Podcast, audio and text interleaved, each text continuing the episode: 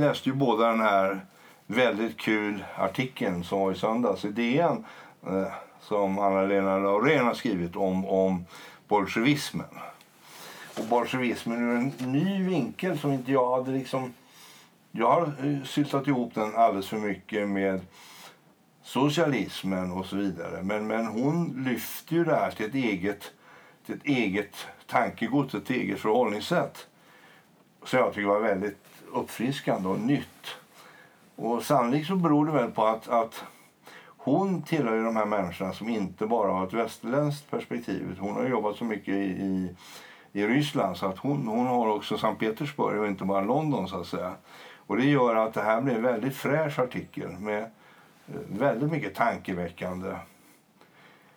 Och det som är också väldigt kul är ju det här att den här typen av tänkande infiltrerar inte bara statsmakter och statlig service utan rätt genom hela samhället ner i de kapitalistiska företag som påstår sig vara serviceinriktade och kunden i centrum och så vidare.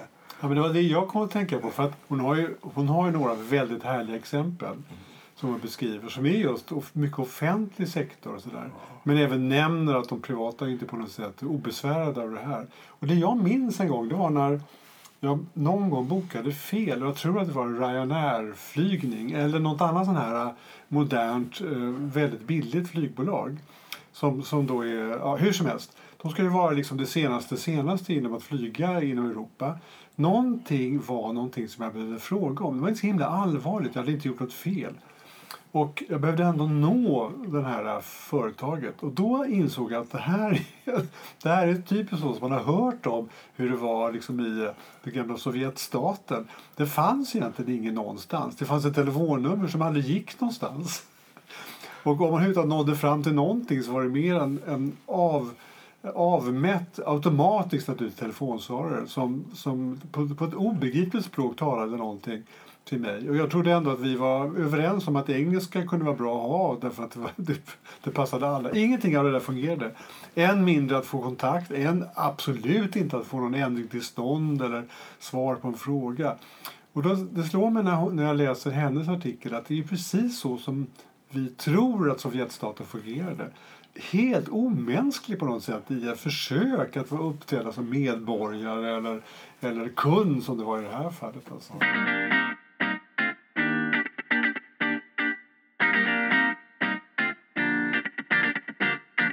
Det, och det, det är ju ganska lustigt. Va? Därför att om det sovjetiska nejet eller det stumma icke-svaret var baserat på att det fanns, fanns faktiskt ingenting att erbjuda. För det var slut. Det fanns, tändstickorna var slut, mjölken var slut.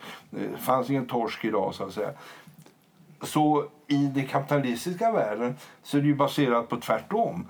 Det finns så extremt mycket Mm, men vi har inte råd att snacka med dig för du ställer för dumma frågor. Alltså, vi är serviceinriktade om du förbrukar vår service på det sätt som vi tycker. Men så fort du ska ställa dina naiva frågor som inte går att automatbesvara genom någon form av svarsträd på någon internetsida eller sådär ja, då vill inte vi prata med dig för då tar du en massa tid och det tid kostar pengar och så måste vi ha 800 anställda i Sveg som sitter och svarar i telefon och det vill inte vi. Och det är ju ändå, och det är också så att det finns, en, det finns en ekvation utan ordentlig lösning därför att vi säger ju samtidigt att det här är ett tjänstesamhälle som vi lever i eller till och med ett informationssamhälle därför att industriproduktionen fungerar på något sätt ändå. Matförsörjningen fungerar eh, alldeles automatiskt. Vi behöver inte lägga ner så mycket tid på det. Så det vi håller på att bygga nu är liksom mjukvara i form av någonting annat än att tillverka grejor. Och, och, och, det vi säger just nu är att den mjukvaran fungerar inte alls. Man får överhuvudtaget inte svar på någonting. Vi inbillar oss att förr i världen kunde man gå till järnhandeln så kunde man fråga någon farbror i sån här förkläde bakom vilken skruv man skulle ha. Och så kunde han ta fram rätt skruv. Och idag finns det väldigt mycket skruvar men ingen farbror frågar överhuvudtaget på något konstigt sätt. Ändå hävdar vi att vi är i ja, informationssamhället eller kunskapssamhället. Och sånt där. Vart tog det vägen? Och vad, vad, är det som är kunskap och information? Det är inte någonting som vi får ta del av. Ganska lustigt för om man ändrar, går, går till framändan på det här Alltså, när vi försöker sälja på dig något, då har vi hur mycket råd som helst att prata med dig. Då sätter vi på en adaptiv marknadsföringsmotor som ser till att den kommunikation som kommer oavsett källa, oavsett kanal, den kommunikation vi, vi får med dig blir mer och mer personlig ju fler steg, steg du tar. Till slut så pratar vi, kära eh, Stenhage, vi vet exakt vad du vill ha, här erbjuder vi exakt det. Precis samma adaptiva motorer skulle du kunna sätta i andra ändan på servicesidan. Men det gör vi inte. Möjligen därför att då köper du bara tid av oss utan att betala. Du köper ingen pryl. Och därför vill inte vi ge dig den här servicen. Det, det kostar helt enkelt för mycket. Så hela tjänstesektorns utbyggnad och det framväxande kommunikationssamhället det används till någon sorts, eh, egentligen till någon sorts marknadsföring och försäljning. Och så fort det är avklarat så, så avtar hela det här kommunikationsutövandet. Men det är ju det som är så lustigt. va? Att, att du pratar när du sitter på ett stort företag, ett telekomföretag, så säger det ja, vi måste optimera svarstiderna. Mm. Och så har du kundtjänstdirektörer eh, eh och så har du kundtjänstcoacher och så har du kundtjänstprogram och så har du dataspindlar och så har du alltihop det här. Och så sätter du igång den här motorn. Och så har du så här performance indicators och, och, och så där. Men helt plötsligt inser du det att, men att sänka svarstiden från fem minuter till tre minuter det kostar liksom 6 miljoner. Så för du måste men, ha fler som svarar på frågorna? Ja, mm. i sin enklaste form. Ja. Så vi höjer det från 5 till 7 minuter istället. Mm. Då sparar vi en miljon. Alltså, och det kommer in sån här... Du börjar väldigt ambitiöst och väldigt bra. Men eftersom du möter inte en marknad utan du möter en, en, en, en oändlig efterfrågan på information. Mm. Därför att just du har just det här problemet som ingen annan har som kräver ditt specifika svar då är det ju extremt kommunikationsintensivt. Jag har glömt min portfölj på flygplanet. Hur hittar vi den? Alltså, det är ju en jättesvår fråga att automatisera svaret på. Vilket flygplan, när flög du? Och så vidare. Och så vidare. Och i och med det att överlagrar du en massa såna här frågor ja, då kommer du som servicegivare in i att det enda du säljer det är att sälja besvikelse. Så då får du gå tillbaka och bli bolsjevik och så bara sätta upp en stor vit hand som gör att ingen jävel vågar fråga mer. Ja, nu, nu, nu, nu gör jag lite karikatyr på det här. Och de som håller på med kundtjänst de skulle naturligtvis eh, eh säga att jag, att jag gör en väl grov kar eh, karikatyr. Jag tappade en gång ett fruktansvärt viktigt anteckningsblock som jag glömde i, eller tappade, jag glömde i, i framfickan i flygplanet eh, i Danmark på väg, på väg till eller från Köpenhamn. Eh, ja, det, det var svårt. Det var överhuvudtaget svårt att få tag i att prata med någon alls. Däremot så glömde jag en mobiltelefon i en tågficka in, inrikes i Sverige. Mm. Den dök upp faktiskt inom loppet av några dagar. Ja. Eh, visserligen inte av sig själv, utan det var ju naturligtvis, även om de, liksom, de kunde ha listat ut att det var jag som hade suttit på den platsen.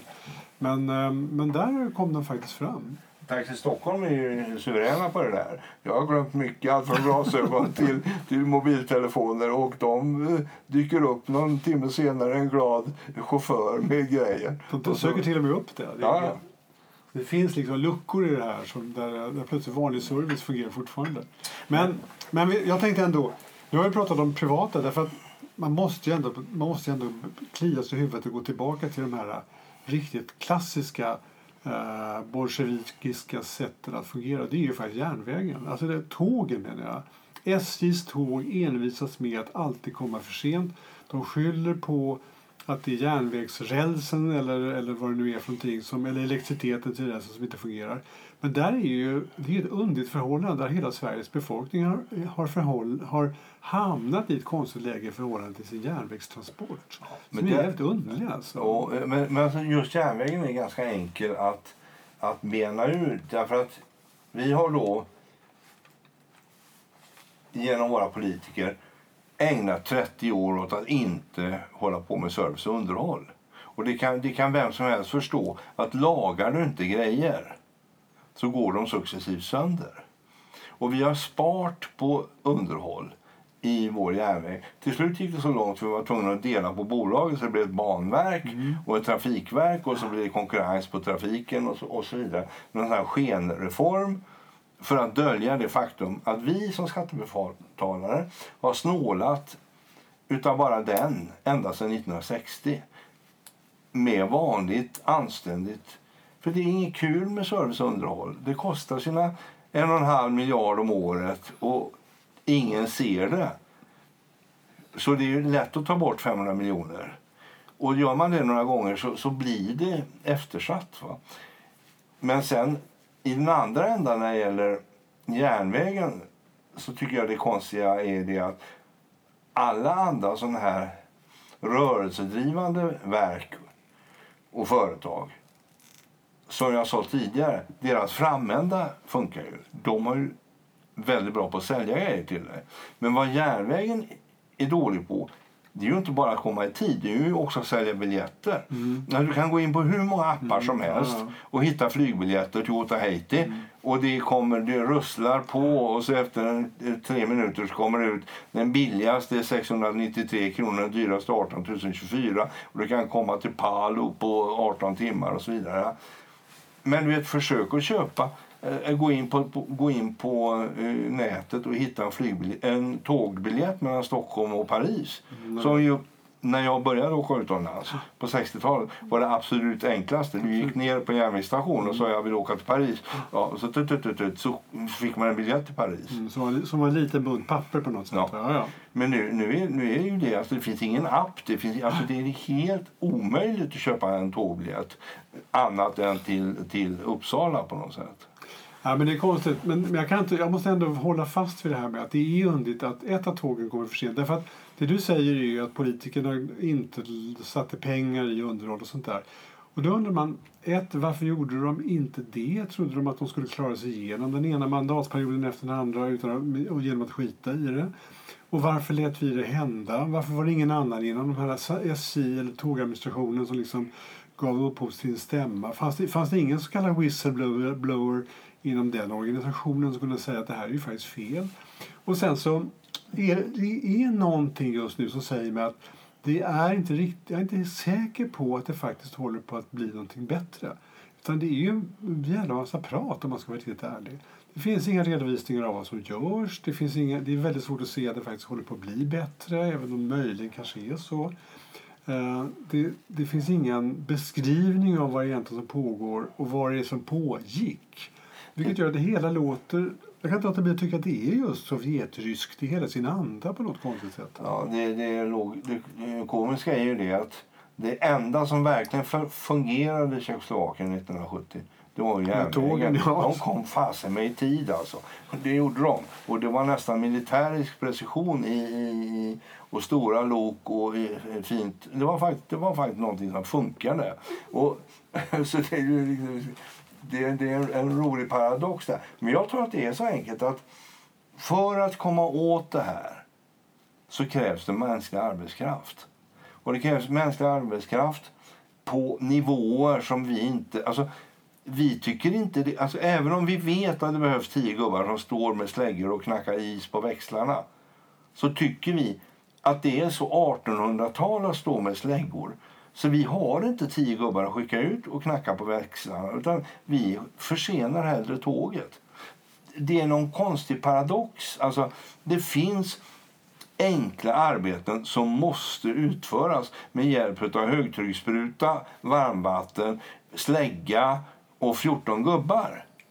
Och vi, vi skyggar från detta. Dels därför att 14 gubbar är dyrt och dels därför att det där är typ, ja, nu ska vi skicka ut dem på barngården som på 1800-talet med en slägga. Alltså, vi vill inte ge den typen av order tror jag. Jag, tycker att det, jag, jag tror att det är väldigt mycket så här att vi skyggar för att fortfarande finns uppgifter som är eh, helt enkelt manuella grovt manuellt arbete där det är stora järnbitar som används är liksom omodernt. Ja, gubbar som står och fryser med, Ja. med mössor med öronlappar ute på en blåsig barngård. Va? Det, det är inte modernt. Men det, en förutsättning för järnväg är... Det är ungefär, alltså på landsvägen är det enklare. Va? För då har du en jättestor plogbil från Scania med en massa plogar och gubben sitter där inne. Det är ju som att sitta i ett vardagsrum. Det är ju fint som tusan i en hytten på en modern bil. Och att han skulle sätta sig i en Volvo från 1953 och dubbeltrampa när han skulle växla och, och, och, och så vidare. Det finns ju inte på kartan. Nej. Va? Så, så att Nej, men jag förstår vad du menar. Det är, det är ett högautomatiserat apparat där han sitter i en, vid en datoriserad spak på något sätt och fram, framför liksom sorts rymdfarkost. Ja, och motsvarande finns inte. Det finns ingen som uppfunnit Scania Vabis eh, eh, växelrensare där man kan sitta i en, i en bra, bekväm och lyssna på, TV, på, på P3 och, och, och blåsa bort isen. Va? Men det där är ju, det låter som rimliga förklaringar men det, det förklarar inte varför ansvarstagare har låtit det ske. Det förklarar inte varför politikerna låter låtit det ske. Det, låter inte, det, det förklarar inte varför en för övrigt hederlig och icke-byråkratisk och icke-korrupt eh, tjänste och ämbetsmannastab har låtit det ske. Det finns något konstigt med alltihop. Ja, och jag är ju, kommer tillbaka till en av mina käpphästar. I valet mellan en transferering av pengar och tråkiga investeringar så väljer politikern alltid transfereringar för det ger mer röster. Om jag har en och en halv miljard till förfogande och så kan jag göra något publikt. Nu ger vi 100 miljoner till det här och så ger vi 1,2 miljarder dit och så har vi eh, kvinnojouren och så har vi, har vi läxläsningshjälp och så har vi... Eh, och så är alternativet det försvinner i ett slukhål som heter bangårdar runt Sverige. Det finns inte en politiker är ju inte född som väljer slukhålet före det publika som man kan stå i tv och berätta om. Om vi gör ett tankeexperiment då. då. Det är en av Socialdemokraternas sista, eh, sista eh, vad ska man, inlägg i valdebatten innan valet. Det var någonting som var en föräldraledig vecka om jag minns rätt. Alltså ännu sjukare barn eller ännu sjukare föräldrar skulle kunna ta en veckas ledigt från jobbet tror jag. Med någon form av pengar från Försäkringskassan. Och någon räknade ut att den här kostade rätt många miljarder men, kost, men gav några få röster extra men inte så himla många. Ja, vi hoppar över den delen. Men det var i alla fall en ganska kostsam reform som Socialdemokraterna lanserade på något sätt i, i valdebatten. Då kan man ju tänka sig att samma pengar skulle man kunna ha sagt så här, men vi lägger det här nu på järnvägsnätsunderhåll. I hopp om att det, och därmed så tror vi att järnvägen kommer att, tågen kommer i fortsättningen inte att bli försenade när det här är genomfört. Ja, men då hade du fått göra en PR-stunt kring detta. Men det första är ju det, när du gör presskonferensen om att du ska ge barnfamiljerna en ny förmån, då kommer ju journalisterna, för det låter spännande. Men om, om du ringer ifrån från, från eh, kommunikationsdepartementet, det heter ju inte det längre, och säger att äh, nu ska vi ha en ny satsning på spårunderhåll. Ja, men det är ju ny traktor provas, det är ingen som kommer. att- Det, och, alltså, vi, vi är inte... De här nödvändiga vardagsgrejerna är inte kul. Och det tråkiga med järnvägen är ju att de nödvändiga vardagsgrejerna, eftersom vi har byggt upp ett svart hål Mm. under 30 år, Mm. vi kan ju hälla i nästan hur många miljarder som helst. Va? Och frågan är om det inte, som en del säger, det är billigare att bygga nya, låta kineserna bygga nya spår. Alltså, det, det är en ja. jättesvår svår utmaning. Och jag tror att det är vi själva som, som väljare som ser till att det blir så här. Alltså vi, vi gillar inte tråkiga grejer. Men, och, och sen då, det, det, om man då är myndighet eller verksledning eller politiker och så försöker man liksom skyla över det här, då blir man sovjetisk eller, eller bolsjevikisk i sitt sätt att prata om det. Ja, för du har ju inte att säga. Nej. Och då blir det stonewalling. Det är ju, det är ju ditt enda svar. Mm. Och, och jag tycker det som Laurén beskriver, det är ju det att stonewallingen den blir ju Kafkaartad. Ja, visst, Du står på Göteborgs spårvägar eller Helsingfors spårvägar och tänker ja, jag är en god människa, jag ska inte ta taxi idag, jag ska inte ta bilen idag. Så nu, det är lätt att åka från järnvägsstationen i Göteborg upp till, upp till Valand. Mm. Och så står man där, som du själv sa, gammal göteborgare har bott där i årtionden. Och vet inte hur fasen man får ut en biljett. Var köper man sina kuponger? Kuponger finns inte, det går inte att köpa det. Nej. Hur Det gör finns en då? app. Ja, men jag har en gammal telefon, jag har en pensionärstelefon. Eh, Ja, då det. får du inte åka. Alltså, Man kommer in i så här, nästan komiska situationer. Alltså, Buster Keaton skulle kunna göra en, en sketch av han står på Göteborgs spårvägar och försöker få köpa en biljett. Alltså, det, det, det blir lustigt va? I sin omöjlighet. Och, och, och vi ler åt det och vi rationaliserar.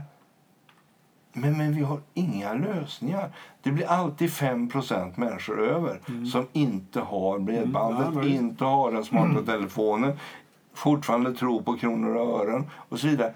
Och de här 5 procenten, som ju aldrig är samma 5 procent, men så, av, av totalbefolkningen så finns det alltid en, de här 5 procenten inom varje område och till, tillsammans kanske de är 30 procent som vi inte har råd att bry oss om. Nej, det är riktigt. Ja, det där är också lite, lite sorgligt. Jag måste ändå gå tillbaka till de här privata företagen och det här med tjänstesektorn och frågesektorn. Därför att det kanske är som du, att du redan har gett svaret på det, men man kan inte låta bli att undra. Varför blir man hela tiden uppringd eller tillfrågad i efterhand av automatiska apparater som vill veta vad jag tyckte om samtalet och här Tröst. saker? Ja, är det det det handlar om? Alltså? Tröst, ja. För Det är skenbart engagemang. Det är en del i marknadsföringen. de vet att jag satt i 38 minuter och väntade på att få ett enkelt svar. Och så vill de liksom Ja, de vet att över. i genomsnitt satt du 17,5 minuter och det innebär att du kan ha suttit någonstans mellan 2 minuter och- och eh, 68 minuter. Och så de låtsas vara intresserade. Och så låtsas de vara intresserade. Ja, nu, alltså, det här är ju mitt yrke. Jag har ägnat nästan hela mitt liv åt att sälja saker till folk. Eh, Tv-abonnemang, eh, damtidningar och så vidare. Och jag har haft kundfronter och alltihop det här. Så jag liksom kackar ju lite i eget bo. Men, men det är lite så här att kan vi inte ge folk något annat så kan vi i alla fall ge dem ett skenbart engagemang. Och så rasar den här svar, svaren ner på eh, Ja, i den här månaden så är folk 4,8 procent nöjda och, och så vidare. Som vi egentligen vi pliktskyldigast pratar om på något ledningsmöte men inte egentligen gör så mycket åt. För det, att göra någonting drastiskt åt det, det kostar ju så mycket. Jag, kommer ihåg när jag var på koncernledningskonferens på Telenor. Och så var det något geni som hade kommit på att ja, men då kan vi spara jättemycket papper och jättemycket genom att göra allting på en faktura. Då räckte jag upp handen och sa det, men då förstår ni väl att då blir ju den fakturan på 6 300 kronor i månaden. Och då hamnar fakturan inte i den hög där folk bara betalar automatiskt utan att tänka. Den hamnar i, nästan investeringshögen. Det innebär att det är bortfall, kredit... Alltså, det kommer att kosta oss hur mycket pengar som helst. Ja, så vi fortsatte ha olika fakturor. och, och, och, och, där, därför att ska man rationalisera så, så finns det ett plus och ett minus. Och när man inte har mer, mer att säga, då tiger man. Jag undrar när vi sitter och pratar om det här. Finns det ingen sektor i vårt samhälle där det här inte fungerar? Alltså finns det ingen del av vårt samhälle där det här inte är? Jo, det finns två som funkar. Jag kan inte komma på någon. Jo, det finns två. Och det är lustigt för att det är lustigt för jag och min hustru diskuterade det här senare. Det finns två serviceorganisationer i Sverige som är jättebra. Det ena är Anticimex och det andra är Securitas. Mm. Det, alltså, det kommer det in någon i min hall Mm. Så ropar någon tjej från någon eh, central någonstans Ja. och säger Hallå, vad är det som händer? Är det någon där? Eller börjar röka i köket så kommer det någon som säger. Hallå, har ni brand i köket? Så på något sätt, så, genom de här monitorerna som Securitas har i mitt hus så vet de vad som pågår. Förmodligen har- har de kamera i sovrummet också. Men det får man ta. Och så samma sak när det gäller Anticimex. Man ringer till Anticimex. Ja, vi har råttor. Ja. Ja, men det, var- det är Är faktiskt du säker på det? Ja. Ja, vi är säkra på det. Ja, det kommer en serviceman. Ja. Och det funkar alltså. ja, det är faktiskt sant. det, det, men det är de två enda exempel jag har. Mm, Det är riktigt. Lustigt nog i vårt fall så var det så att vi måste beskrivit vårt, vårt råttproblem väldigt allvarligt för det kom två råttstrateger. Men du var rätt i det, de kom ganska kvickt. Och hade väldigt mycket råttstrategier med sig också. Ja, och då undrar man, det där är ju både manuellt, det kräver en bil och det Ja. kräver gubben som känner till gifter Ja, och råttor och grejer. Hur har de råd med det? När ingen annan har råd. det är ju ganska lustigt. Ja, ha, um, um, ja ja, men det var intressant den där artikeln. Frågan är om vi ska säga något mer om det här.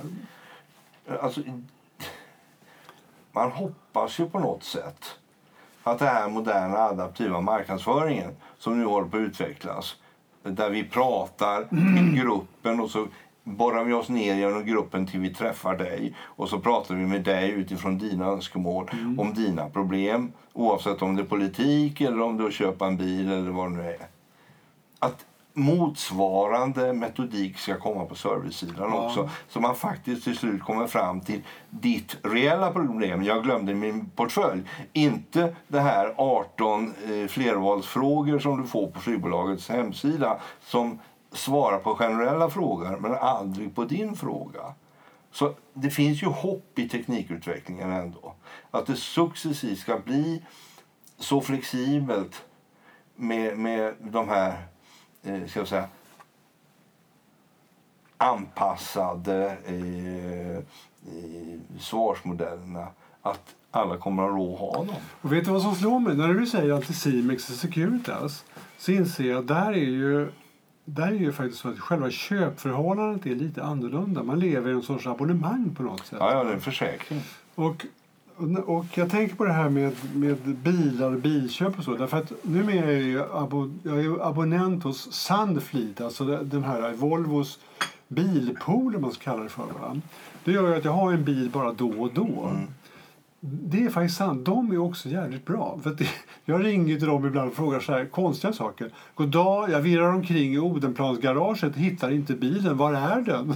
Det kan man säga extremt trivial fråga som jag egentligen skulle ha suttit om det var Skatteverket suttit och väntat på minst 38 minuter. Förmodligen skulle, jag, skulle man ringt upp mig lite senare samma dag eller sånt där. Va? De svarar väldigt snabbt. Det- Deras enda problem är att jag kanske är djupt nere i garaget så det inte finns telefontäckning. Men då, säger, då får jag liksom försöka kliva upp två våningar.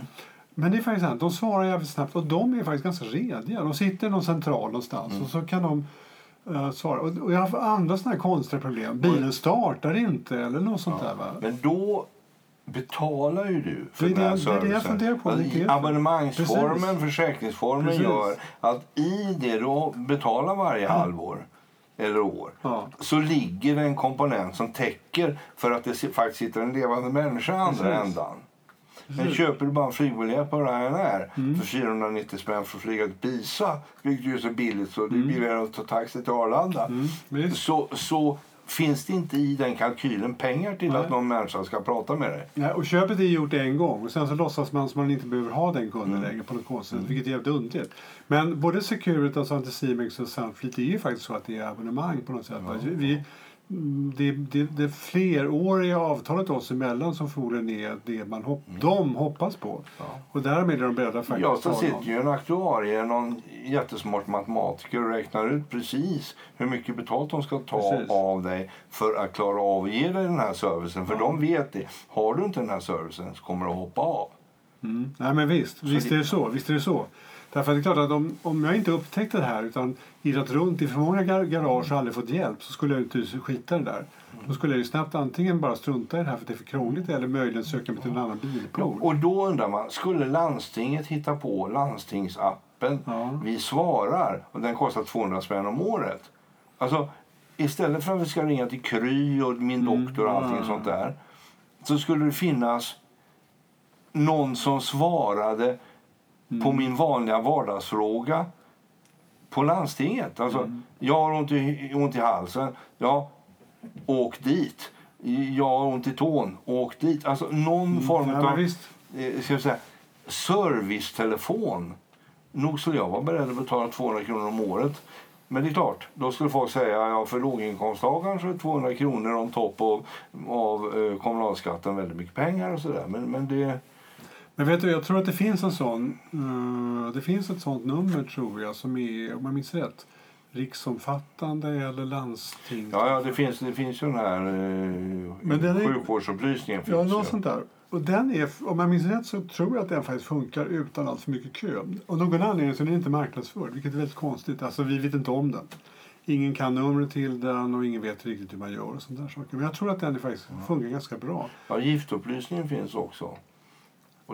Mm. Mm. Ja, nej, men alltså, Så det, det är möjligt. Va? Fråga, men, men, men det är en sak. Den andra sak är ju... Då får man i alla fall svar. Nästa fråga är ju... um, Tåget kommer ju inte mer i tid bara för att man får ett svar. nej. Det, det, Nej, det de är gott tröst. nog att få reda på varför. Man får, inget, man får tröst, men man får inget svar. Ja. Och när det gäller tågen så är det dessutom det är ju, det är ju farligt. va Alltså med att vara inlåst på tåg när det är 40 grader varmt och inte få gå ur därför att det, man får inte gå på banvallen och folk slår sönder fönster och sådär. Det, det, det, det, är ju, det är ju faktiskt farligt. Ja, ja, det är det. Så att, eh, Ja, vi hoppas att... eh, det är en väldigt, väldigt intressant beskrivning att se på Sverige med bolf- bolsjevikiska ögon. Och tyvärr allt för träffande. Jo, nej, men jag, jag tyckte det var, jag, det var en uppenbarelse den här artikeln. För att jag har aldrig tänkt på det på det sättet. Att, att inte svara som strategi. Nej. Därför vi vet nämligen allting så vi behöver inte prata med det Nej. längre. Hela attityden, ja. Ja. det är verkligen sant alltså. Ja.